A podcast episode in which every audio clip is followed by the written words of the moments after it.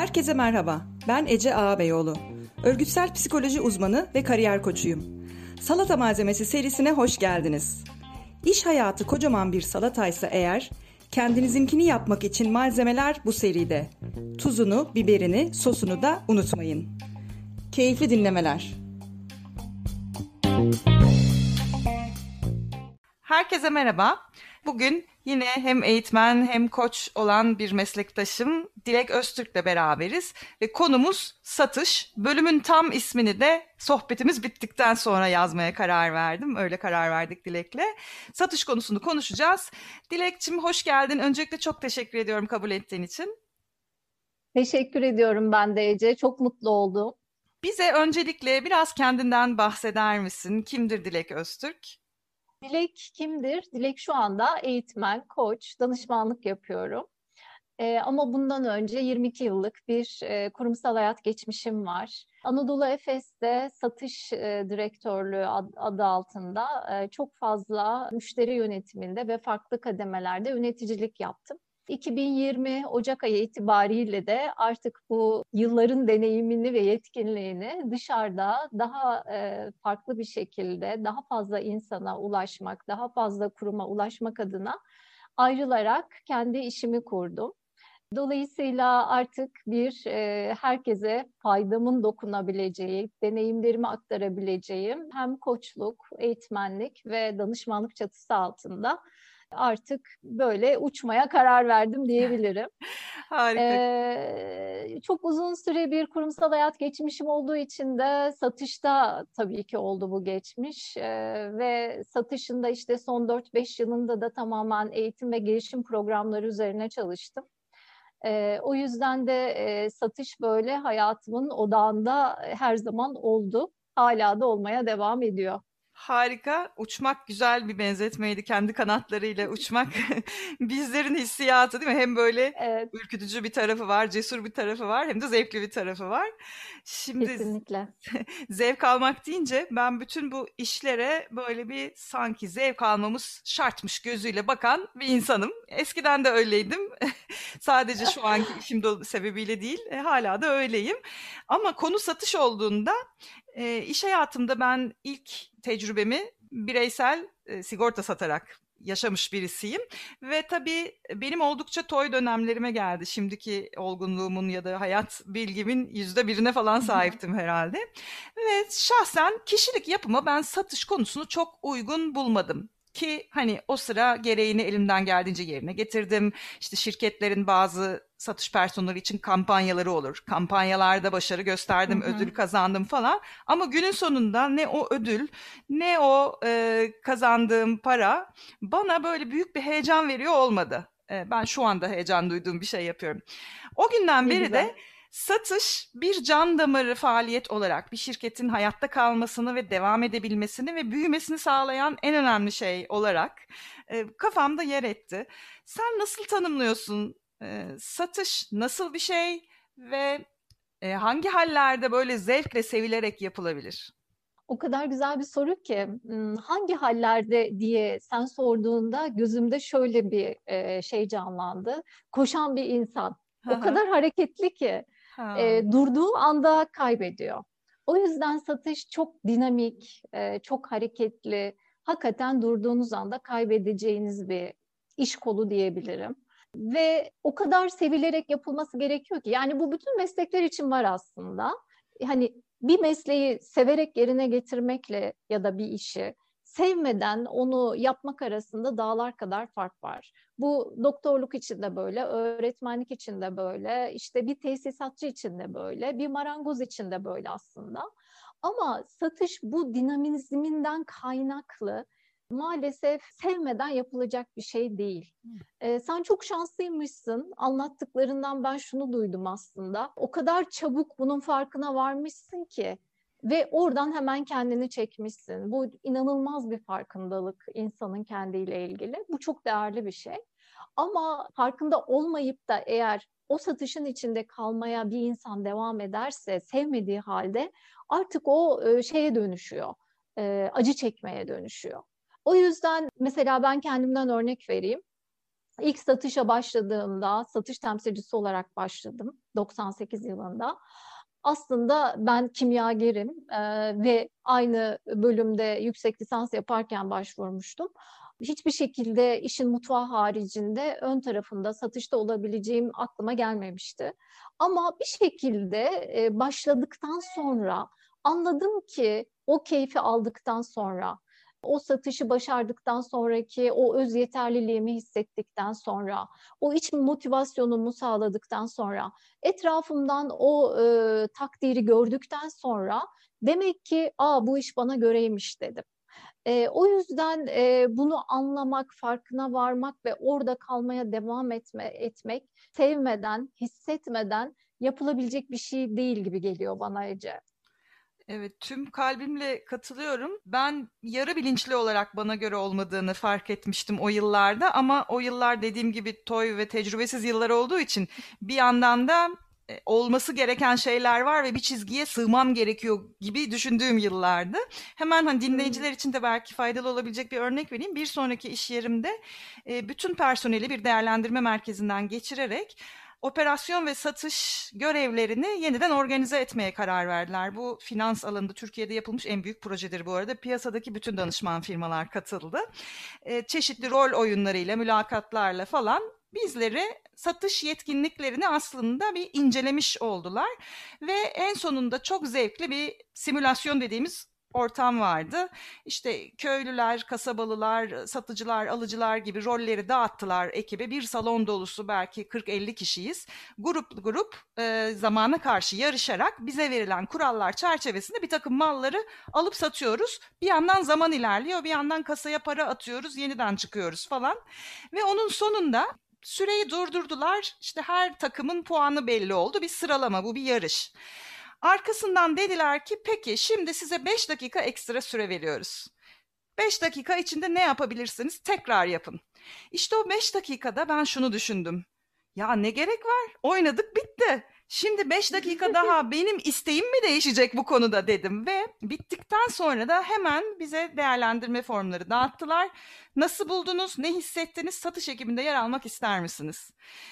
Çok beğendim uygulamayı. Çünkü o e, ekstra sürede daha fazlasını yapabilmenin verdiği enerji ile bundan hoşlanmayanları net bir şekilde kendilerine sorarak ayırmış oldular. E, sonra yani özetle ben kendimde böyle fark ettim ama sen de bahsederken bu koşmazsan işte durursan olmaz hep hareket halinde olmalısın hissini ve bu dışarıdan tetiklemeli dinamizmi seviyor olmak gerekiyor. Sanırım bu tür insanlara Kesinlikle. uygun. Kesinlikle. Aynen, aynen. Yani o hareket halini sevmek gerekiyor ee, ve durumsallığa açık olmak gerekiyor. Yani her an her şey değişebilir bir mühendis ya da bir yazılımcı ne yapar? Önüne gelen kodu yazar ya da onun çerçevesi bellidir. Ama satışta maalesef gün içerisinde yaşadığın girdi çıktı o kadar fazla ki e, sen anlık durumsal kararlar vermeye açık olman gerekiyor. Anlık hareket etmeye açık olman gerekiyor. Ve hep hareket halinde olmaya açık olman gerekiyor. Dolayısıyla e, kesinlikle doğru söylüyorsun. E, öyle olmak lazım. Yani hareket halinde olmak lazım, durmak, kaybetmek. evet. Peki sen bir yandan satış koçluğu yapıyorsun. Ee, evet.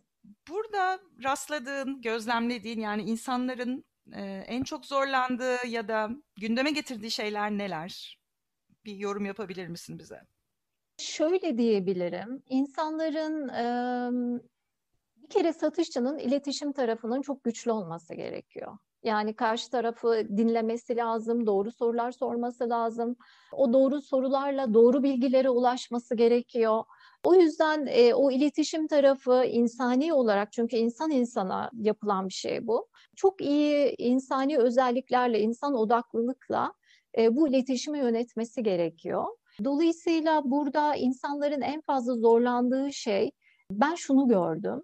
Bu iletişimi yönettiklerini düşünüyorlar ama gelişime açık olduklarını da düşünüyorlar. Bu farkındalık çok değerli bir şey. Burada en fazla zorlandıkları şey Şimdi bir satışçı ortada yani şöyle iki ucun ortasında bir tarafta müşteri var bir tarafta da hizmet ettiği, çalıştığı kurumu var, organizasyonu var. En çok insanların zorlandığı şey bu ikisi arasında kalmak. Şimdi organizasyonun e, çizdiği bazı temel unsurlar var. Belli sınırlar var. Belli ona verdiği yetkinlikler var. Dolayısıyla müşteriye de sonuçta müşteriyi tanıyan kişi de satışçı. E, müşteriye karşı da kendini sorumlu hissettiği bazı konular var. En fazla insanlar bu iki uç arasında kaldıklarında zorlanıyorlar. Bu iki ucun iyi bir terazi gibi düşünürsek onu tartmakta zorlanıyorlar aslında. En fazla zorlandıkları konu bu ve ya işte ben örnek veriyorum. Müşteriye bunu söz veriyorum. Çünkü bunun söz verileceğini ben biliyorum. Ama ben geriye döndüğümde orada organizasyonda bir şeyler değişmiş olduğunda ya da o bana negatif olarak döndüğünde ben karşı tarafa mahcup oluyorum. Yani bu iki denge, dengeyi yönetmek konusu satışçıların en büyük problemi gibi geliyor bana. En fazla duyduğum şey de bu. Ben de sen anlatırken kendimi o kişinin yerine koyuyorum. Bana çok rahatsız edici gelirdi kesinlikle. ee, zor yani organizasyon içinde bunları yönetmek ama belki de bu işin doğal bir parçasının da bu zorluk olduğunu mu kabul etmek lazım? Şimdi şu an aklıma gelen. Evet, zorluk olduğunu kabul etmek lazım ama burada e, birazcık organizasyonlara da daha fazla da iş düşüyor satışın sürdürülebilir olması için. Niye diyeceksin? Çünkü organizasyonların orada satışçıyı serbest bırakacağı alanı çok iyi belirlemiş olması lazım. Çok temel ana hatlarda e, yolu çiziyor olması lazım. Bir ürünü eğer satışçıya sen sat diye verdiyse bununla ilgili olan bütün bilgileri net bir şekilde satışçının bilmesi lazım. Yani ben mesela şunu duyuyorum bazen daha küçük firmalarda ya evet sen müşteriye bunu okeyleyebilirsin diye geriye dönüp yöneticisine sorduğunda bir satışçı okey cevabını alıyor. Sonra gidiyor müşteriye diyor ki ben evet bunu e, size verebiliyorum onayını aldım diyor. Sonra tekrar yöneticisine döndüğünde aa onu yapamayız çünkü o geçti artık diyebiliyor. Ya da işte ya evet o gün sana ben onu söyledim ama maalesef şu anda yeni bir karar alındı şu anda onu yapamıyoruz diyebiliyor. E o zaman ne oluyor? Ortada inanılmaz satışçının demotivasyonu, inanılmaz işte orada artık müşteriye karşı yaşadığı sorumlulukla ilgili demotivasyon, negatif duygular vesaire. E o zaman satışçıyı siz orada kaybediyorsunuz. O yüzden o, o yüzden organizasyonun orada netliği, çizdiği yol, satışa dair satışçıya ver, vereceği araçlar, kullanacağı araçları net olarak belirlemesi lazım. O yüzden de mesela ben çalıştığım şöyle söyleyeyim, hep konudan konuya geçiyorum ama e, şöyle bir örnek vereyim Ece, e, aklıma geldi. Benim e, çalıştığım sektörde bir firmanın her zaman müşteri memnuniyet derecesi her zaman yüksek çıkardı. Bütün Hı. işte yıllık o Ipsos araştırmalarında, Nielsen araştırmalarında Hı. her zaman yüksek çıkıyor. Ya şimdi biz müşterilere bakıyoruz. Ya neden yüksek acaba? Yani müşteri memnuniyet araştırmaları çünkü firmalara, kurumlara çok ciddi geri dönütler veren. Eğer onların sonuçlarıyla organizasyonlar kendilerine bir ayna tutarlarsa inanılmaz yol alabilecekleri e, raporlardır onlar. Sonra baktık ki aslında e, tabii bu temsilciliğimizde bizim ilk gözümüze çarpan bir şey ama daha sonra görüyorsun ki aslında bu firma müşteriye daha fazla iskonto verdiği için değil. Hı hı. E, bu firma işte çünkü vermiyor. E, ya da bu müşteriye daha fazla gelip gittiği için sevilmiyor. Ya da işte bu firma daha fazla promosyon verdiği için sevilmiyor.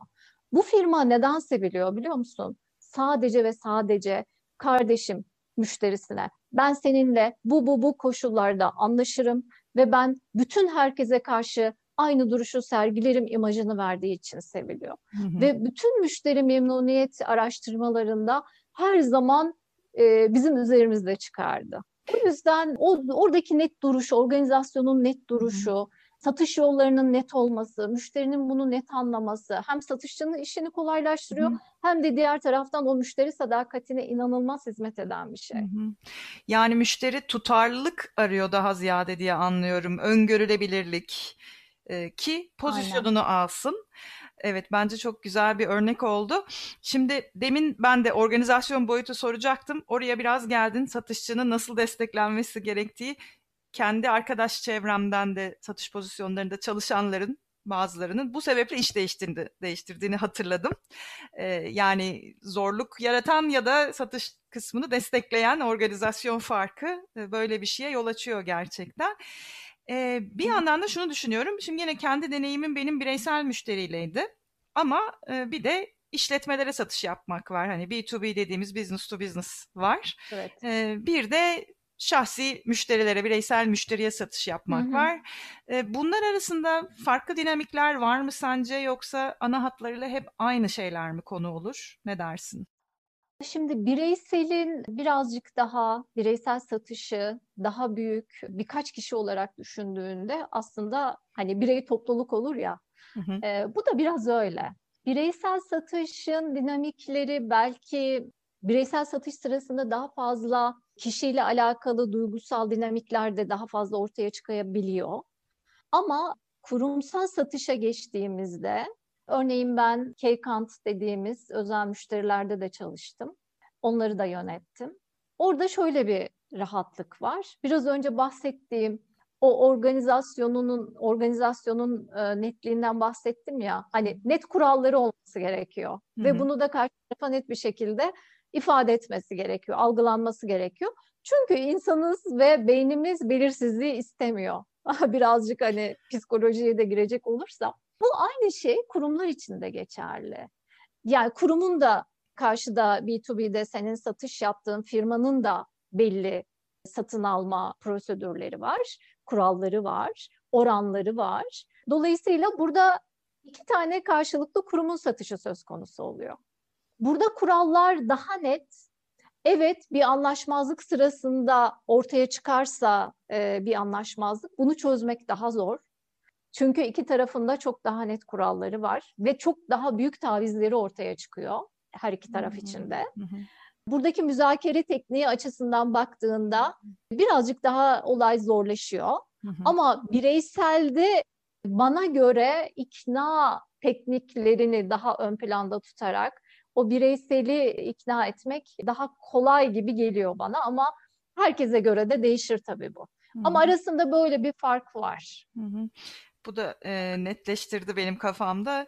Müzakere tarafı nerede daha çok öne çıkıyor? Hı-hı. Birden fazla taraf bir araya geldiğinde ve kurumlarda tabii birden fazla kişi tarafından kafa kafaya verilerek temsil edilecekler. Hani masa başında konuşmalarla belki karar veriliyor. Aynen. Diğer tarafta serbest akışta karşılıklı iki kişinin iletişimi gibi giden bir dinamik var. Daha çok ikna becerisi. Ee, Aynen. Evet gayet güzel oldu. Konuşmanın başında sen kendinden bahsederken hani mezun olduğun okuldan da bahsettin. Şimdi Hı-hı. üniversitelerde hani satış diye bir bölüm yok malum. Satışta çalışan Hı-hı. insanlar farklı disiplinlerden geliyorlar. Her disiplinden gelebiliyorlar. Bu açıdan çok fark eden bir şey yok. İyi bir satışçı olmak isteyen neler yapmalı sence? Hı hı. İyi bir satışçı olmak isteyen kendi öz farkındalığının farkında olmalı. ne demek istiyorum? ee, şöyle ki hani ben neden zevk alıyorum? Ben ne yaparsam mutlu oluyorum. Bunlar sen de biliyorsun. Sen de örgüt psikolojisi konusunda master yaptın. Ben birazcık böyle psikolojiye de meraklıyım. Ben de şu anda hala uğraşıyorum bu işlerle. İnsanın kendini dinlemesi lazım, bilmesi lazım.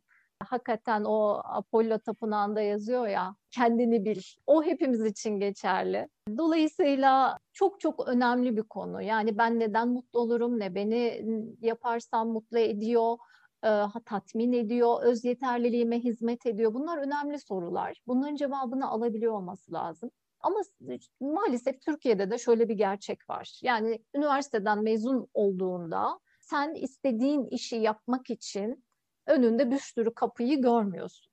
Hı hı. Ya da o kapılar açık değil.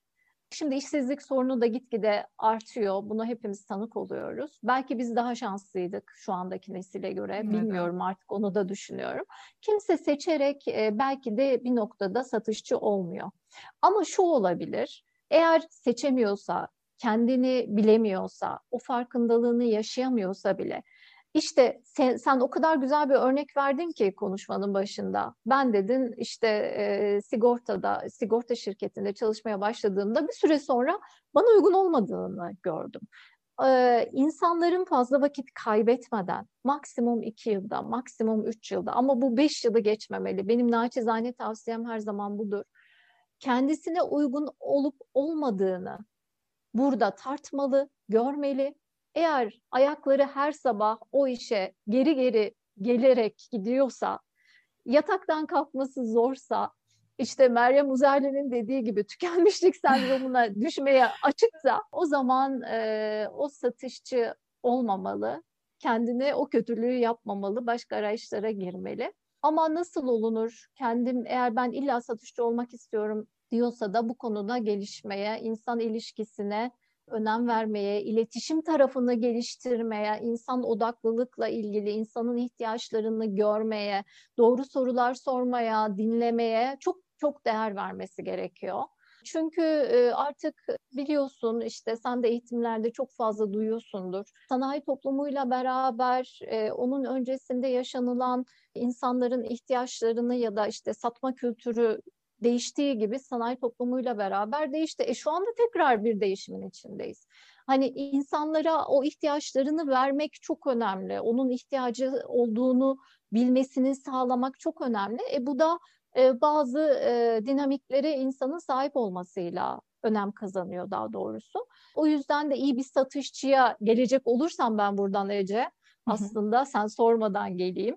Mutlaka o ilişki yönetimini doğru yapabilmeli, bu konuda kendini geliştirmeli.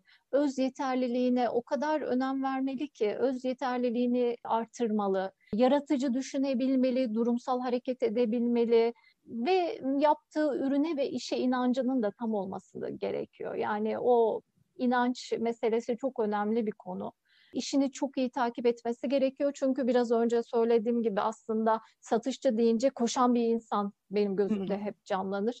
O yüzden de onu çok iyi takipte olması gerekiyor.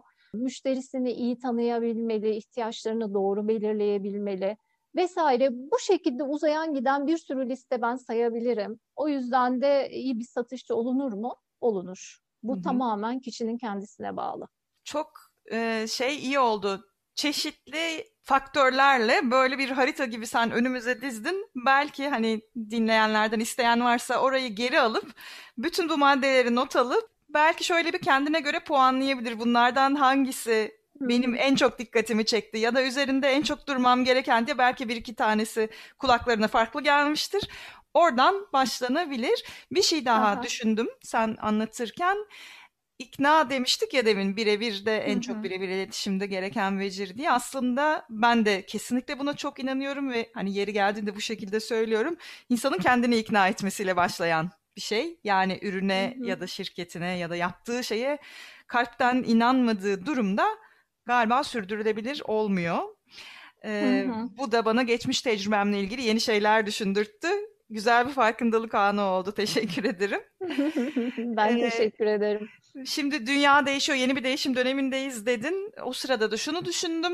Öyle bir değişiyoruz ki sanki eskiye göre çok daha fazla insan kendi işini yapar hale geliyor, geliyor ya da küçük işletmeler kuruluyor bu dönemde. O yüzden de bu satış yetkinliği dediğimiz şey artık büyük şirketlerde bir kadro olmaktan çıkıp her insanın birazcık çalışması ve başarması gereken bir şey haline geliyor gibi görüyorum ben. Bilmiyorum sen de böyle düşünüyor Kesinlikle. musun? Ben de öyle düşünüyorum. Zaten birazcık böyle yeni dünyayı takip etmeye başladığında dinleyenlere de çok tavsiye ederim. Yeni çıkan kitaplara, özellikle Z kuşağına yönelik yapılan çalışmalara baktıklarında şöyle bir öngörü var. 30 yıl içerisinde insanlar artık bir sürü işi değiştirmiş olacaklar büyük kurumsal firmalardan ziyade daha küçük işletmelere geçecek dünya ve bu küçük işletmelerin de patronu her birimiz olacağız. Bu ne demek? İşte senin söylediğine geliyor. Evet. Ee, biz yaptığımız işi, hizmeti, ürünü doğru satmayı bilmemiz gerekiyor ki artık bu yeni dünyada yer bulabilelim. Evet kesinlikle. Ben de öyle düşünüyorum. Evet, hepimiz satışçıyız diye dövizler taşıyacağız. e, bu da şeye hizmet evet. edecek. E, benim böyle hayalim diye söylediğim şey bir gün herkesin sevdiği işi yaptığı ya da yaptığı işi sevdiği bir dünya hayal ediyorum. Mecburen buna doğru gidecek belki. Umarım Aa, çok evet. sancılı gitmeyiz de sancısız gideriz Dilek. İnşallah ama sancısız olan pek bir şey yoktur. Doğum her zaman sancılıdır. Doğru, doğru, doğru. Değişim biraz öyle oluyor. Ee, sana çok teşekkür ediyorum. Benim aklımdakiler bunlardı. Atladığım ya da senin eklemek istediğin bir şey var mı? Çok teşekkür ederim. Çok keyifli bir sohbetti. Hatta sen bir soru soruyorsun. Ben kaptırıp gidiyorum. Umarım dinleyenler için de anlaşılır olmuştur. Ee, çok konuşulacak şeyler var satışla ilgili. Dediğim gibi satış dinamik bir yapı ve durumsal hareketlilik çok önemli burada. İşte o günümüzde konuşulan yılmazlık, çeviklik, e, liderlerin özelliğinde aranan e, şeyler. Bunlar çok değerli. Her birimiz için değerli artık. Sadece belli başlı liderler ya da liderliğe koşmak isteyen insanlar için geçerli değil bu özellikler. Hepimiz için geçerli. Ben özellikle onu söylemek istiyorum keyifliydi benim için de. Çok teşekkür ediyorum Ece. Ben de teşekkür ediyorum. Ağzına sağlık. Kendine çok iyi bak. Sen de görüşmek üzere.